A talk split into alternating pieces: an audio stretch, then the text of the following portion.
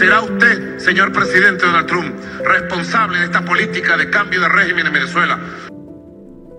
I 2019 rapporterte nesten en hel verden om de voldsomme demonstrasjonene som herjet i Venezuelas hovedstad Caracas.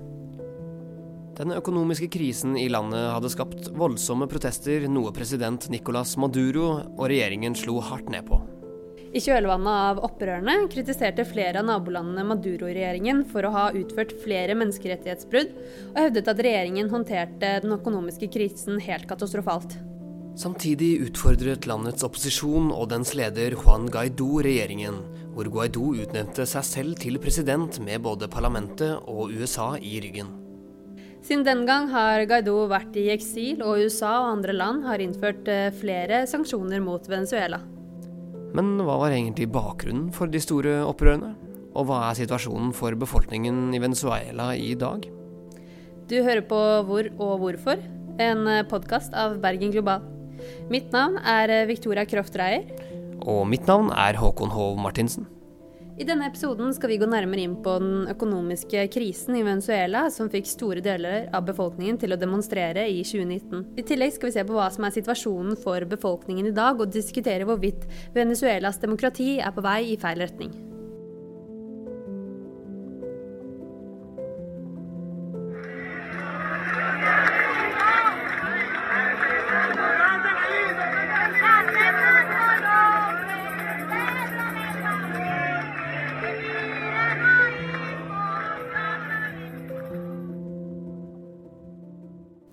Venezuela har verdens største oljereserver, og landet er helt avhengig av inntekten de får gjennom olje.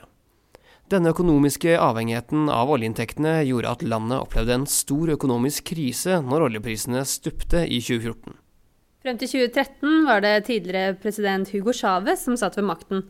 Under hans presidentperiode brukte Chávez store deler av oljeinntektene på sosiale programmer. Dette førte til at landet allerede var på vei inn i en økonomisk krise før nedgangen i oljeprisene i 2014, noe som gjorde det vanskelig for etterkommeren Niklos Maduro å håndtere landets økonomi. Da Chávez var president, ble landet styrt under en sterk sosialistisk retning. Makten var konsentrert hos presidenten, og Chávez dannet flere allianser med domstolene og militæret. Etter at Maduro overtok makten, ble makten enda mer konsentrert til staten, og regimet går stadig mot en mer autoritær retning med økende grad av korrupsjon. I dag blir situasjonen i Venezuela ansett som en humanitær krise. Siden 2015 har den økende andelen av befolkningen som lever i fattigdom, gått fra 30 til 90% Store deler av befolkningen har så vidt råd til mat og nødvendige medisiner.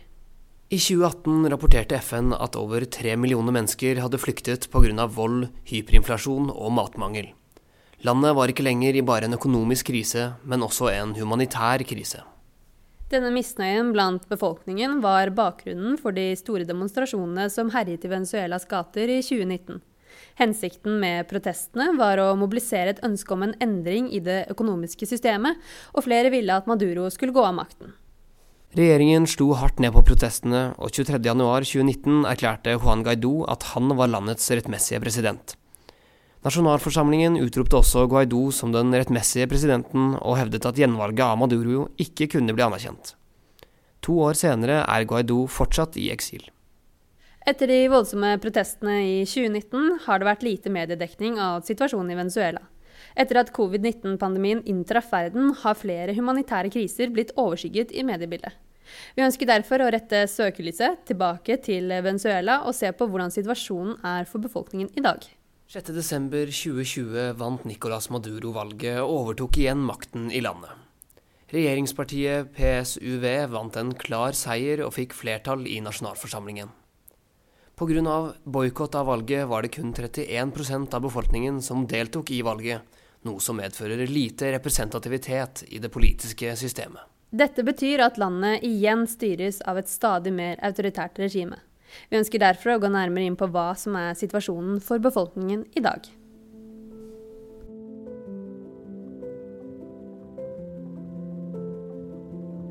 Eh, jeg er Benedicte Bull.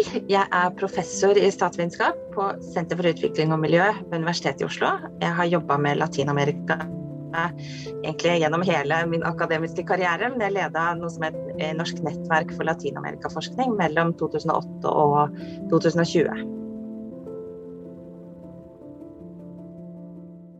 Og du skal være gjest i vårt panel på torsdag, og vi skal snakke litt om eh, situasjonen i Venezuela.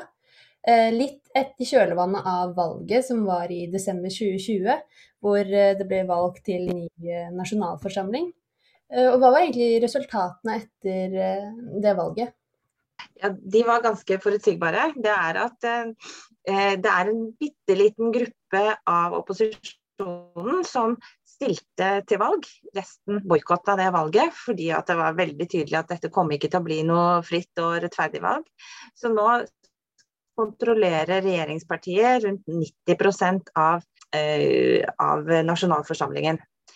Tidligere så hadde jo, altså I 2015 så vant eh, opposisjonen en, i utgangspunktet to tredjedels flertall i nasjonalforsamlingen. Og det resulterte i at eh, myndighetene nedsatte en grunnlovsgivende forsamling som overstyrte nasjonalforsamlingen. Så den ble først fratatt egentlig alle sine, eh, sine funksjoner, som å styre budsjett og en del andre.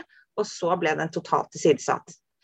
Eh, før da eh, regjeringen klarte å ta kontroll over nasjonalforsamlingen igjen ved eh, det valget som var eh, på slutten av fjoråret. Og Hva betyr det at regjeringen har tatt kontroll over dette?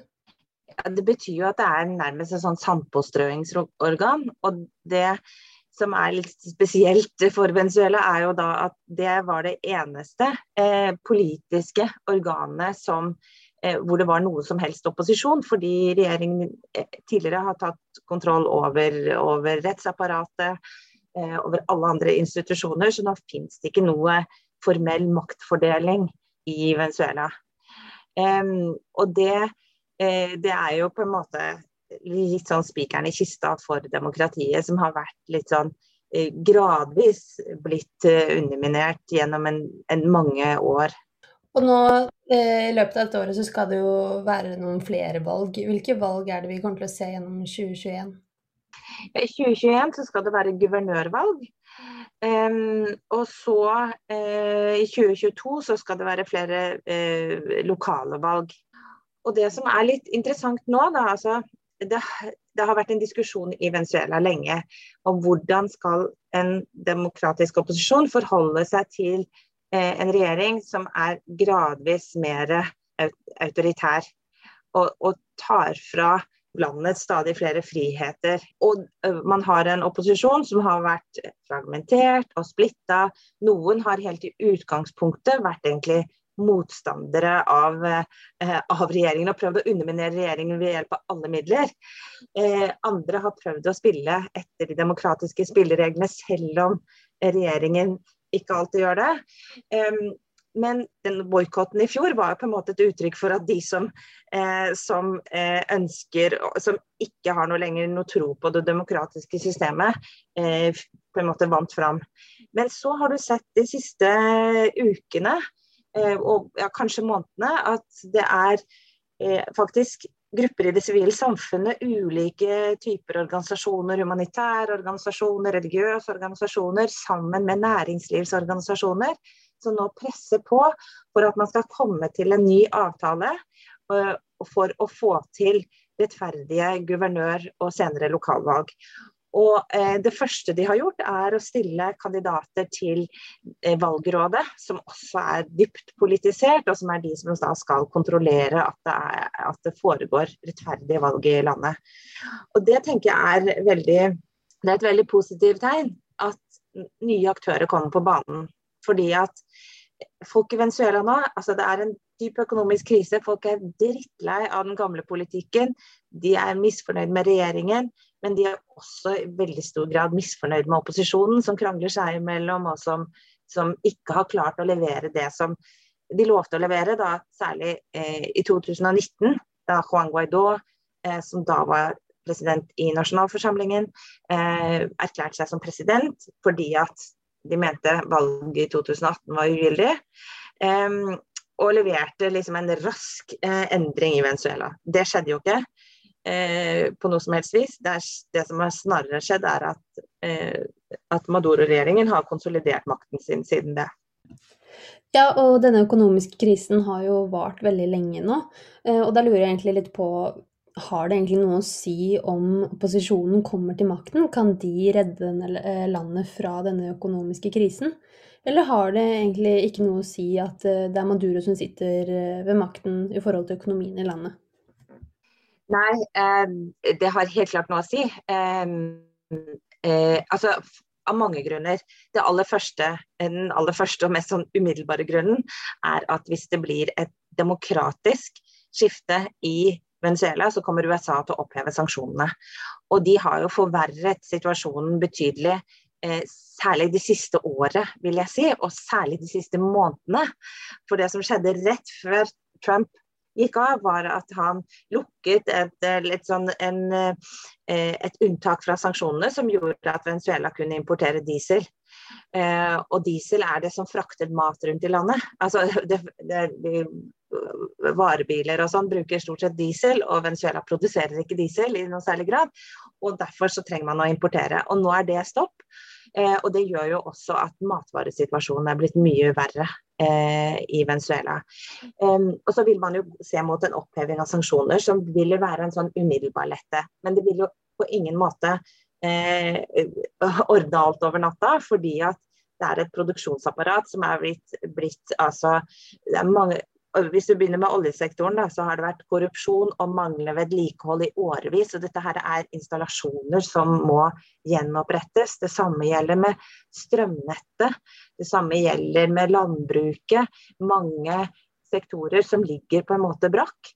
Eh, og som det vil kreve store investeringer og mye tid før man får, eh, får på banen igjen. Men, og, og samme med hele det økonomiske systemet. altså Bolivaren nasjonale valutaen har jo mistet nærmest all sin verdi. Og nå foregår mer og mer av transaksjonene i dollar. Noen steder bruker de colombianske peso. Det er egentlig et litt sånn kaos som det også vil ta en del tid å få rettet opp og få gjenreist tilliten til eh, bolivaren, altså den nasjonale valutaen. Det kan ta ganske, ganske mye tid. Noen mener at det beste er bare å gå over til dollar med en gang. men det har ganske mange ulemper ved seg, det også, å gå over til en valuta man ikke har kontroll med. Så det, det, noe kommer til å bli bedre ganske fort, men en liksom, eh, ordentlig forbedring av situasjonen vil ta ganske lang tid. Og til slutt ser det ut til at opposisjonen kan ta over makten i nærmeste fremtid, eller er det helt usannsynlig? Ja, jeg tror det det er usannsynlig at det kommer til å skje sånn over natten. Eh, totalt usannsynlig, også fordi at opposisjonen i seg selv er veldig fragmentert. Så jeg har nok mer tro på den linjen som nå sivil samfunnsorganisasjoner og andre prøver å stake ut, at man kommer til delavtaler. Eh, det viktigste, aller viktigste nå er kanskje å komme til en avtale om en sånn humanitær avtale Eh, sånn at man får inn bistand, eh, og kanskje at man kan knytte den mot, mot en gradvis sanksjonslette. Og da i hvert fall få, eh, få opphevet det der eh, altså, som Trump etablerte helt på slutten, med å lukke muligheten for å importere, importere diesel. Men også at man da kommer til gradvise, eh, gradvise politiske avtaler som gjør at man, man kan gjenreise tilliten til det politiske systemet igjen og til at man kan, eh, kan foreta frie valg. At man får en gjennomgang av valgregisteret, at man får en gjennomgang av selve valgsystemet, eh, er viktig. Og da kanskje få gradvis gjenreist demokratiet, kanskje mer nedenfra opp enn ovenfra og ned. Um, jeg tror ikke på at det skal nå komme til noen sånn mirakelavtale mellom opposisjonen og, uh, og regjeringen. Uh, kanskje først og fremst fordi at det er vanskelig å se hvem som da skulle representere opposisjonen, fordi Juan Guaidó har veldig liten støtte nå som en leder av opposisjonen. Så jeg tror man må tenke mye bredere og, og tenke mer langsiktig og gradvis. Eh, og da kan man ha håp om at eh, Jeg tenker det viktige er at man får gjenetablert troen på demokratiet og, og institusjoner som man har tillit til. Eh, og at det skal være utgangspunktet for valget av, eh, av, nye politiske eliter og ledere. Men her er det altså en million eh, hindre. Um, ikke minst at nåværende regjeringen og støttespillere har store økonomiske interesser i at det fortsetter sånn som det gjør nå.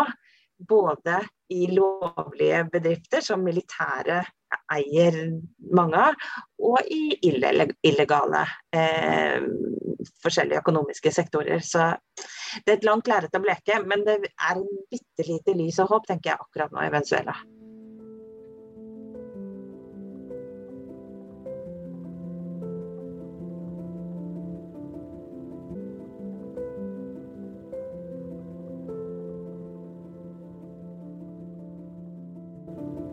Dersom du ønsker å høre mer om situasjonen i Venezuela, anbefaler vi deg å komme på vårt seminar torsdag 25.3.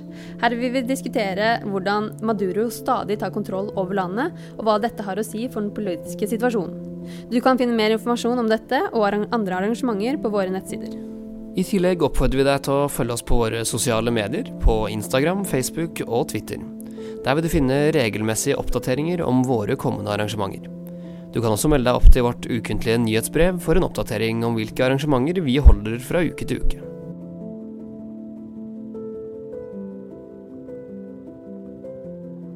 Denne episoden har du hørt lyd fra NRK TV og NRK Radio.